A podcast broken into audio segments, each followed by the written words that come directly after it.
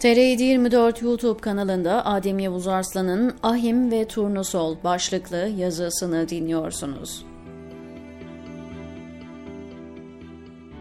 Aslında içinden geçtiğimiz süreci tarif etmek için Can Yücel'in ülkenin jeopolitik konumu küfürsüz yaşamaya müsait değil dizesi en ideali. Ama biz nezaketi elden bırakmayalım ve durumu turnusol örneğiyle açıklayalım. Malum olduğu üzere turnusol kağıdı bir çeşit ayıraç.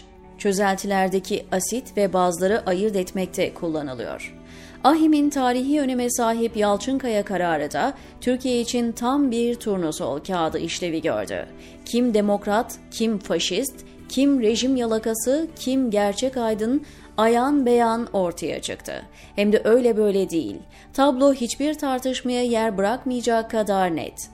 Malum olduğu üzere ahim büyük daire, Yalçınkaya kararında baylok kullanmanın, bankasyaya para yatırmanın ve bir derneğe üye olmanın suç olmadığını Bilal'e anlatır gibi izah etti. Aslında bu Bilal'e anlatır gibi deyimini Nedim'e de anlatır gibi diye güncellemek lazım. Çünkü Bilal anlasa bile Nedim anlamayacak gibi. O kafayı cemaatle bozduğu için ahim kararı kimyasını bozdu. 184 sayfalık karar herkesin anlayabileceği şekilde kanunsuz suç ve ceza olmayacağını gösteriyor. Karar birçok yönüyle tarihi çünkü bu sonuç yüz binlerce kişiyi ilgilendiriyor. Mahkemenin 64 yıllık tarihinde verdiği en geniş ölçekli karar 2004 yılında Polonya'da 80 bin kişiyi ilgilendiren bir mülkiyet davasındaydı. Artık Yalçınkaya kararı ahim tarihinin en geniş kapsamlı kararı olarak kayıtlara geçti. Yalçınkaya kararı 7. madde kapsamında da tarihi bir karar. Çünkü kanunsuz suç ve ceza olmaz ilkesi en temel hukuk kuralı. Mahkemenin 1959 ile 2022 arasında verdiği 25.674 ihlal kararından sadece 59'u 7. madde kapsamındaydı. Yalçınkaya kararıyla 60 oldu. Sadece bu istatistikler bile ahim kararının ne kadar önemli ve tarihi olduğunu göstermeye yeter. Biz bu aşamada ölüm sessizliğine bürünen ve rejimin türküsünü söylemeye devam edenlere bakalım. Milyonlarca insanı yakından ilgilendiren tarihi bir kararla ilgili muhalefet partilerinden şu ana kadar ses çıkmadı. Seçime giderken KHK sorunuyla ilgileneceği vaadini veren CHP lideri Kemal Kılıçdaroğlu mesela. Her konuda fikri olan, tweet atan Kılıçdaroğlu bu kadar önemli bir konuda tek kelime etmedi. Meral Akşener, Ali Babacan ve Ahmet Davutoğlu da. Temel Karamollaoğlu basın toplantısı düzenleyip her konuda konuştu ama ahim kararına hiç girmedi.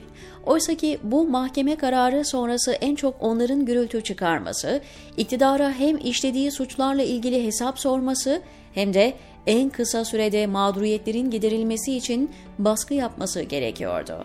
Ama hepsi sus pus oldu. Tabii bu durumda insan ister istemez Erdoğan rejiminden mi korkuyorlar yoksa kafa yapıları Erdoğan'la aynı mı diye düşünmeden edemiyor. Her ne şekilde olursa olsun Yalçınkaya kararı sonrası muhalefetin takındığı ölüm sessizliği, duymazdan gelme durumu tarihe geçti bile. Siyaset böyle davranır da medya geri durur mu? Havuz medyası zaten malum ilk iki gün süren sessizlik saraydan düğmeye basılmasıyla birlikte son buldu.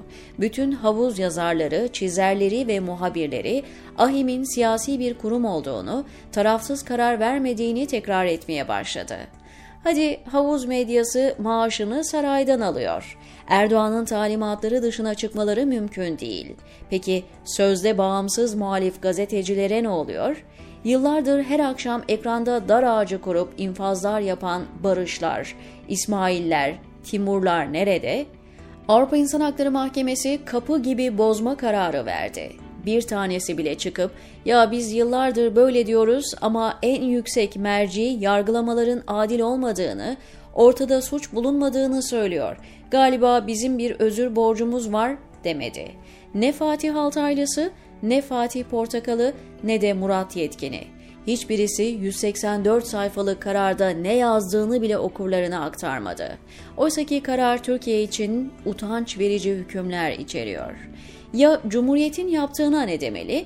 Lafa gelince Türkiye'nin en eski gazetesi olduklarından bahsederler ama en temel gazetecilik kurallarını uygulamıyorlar.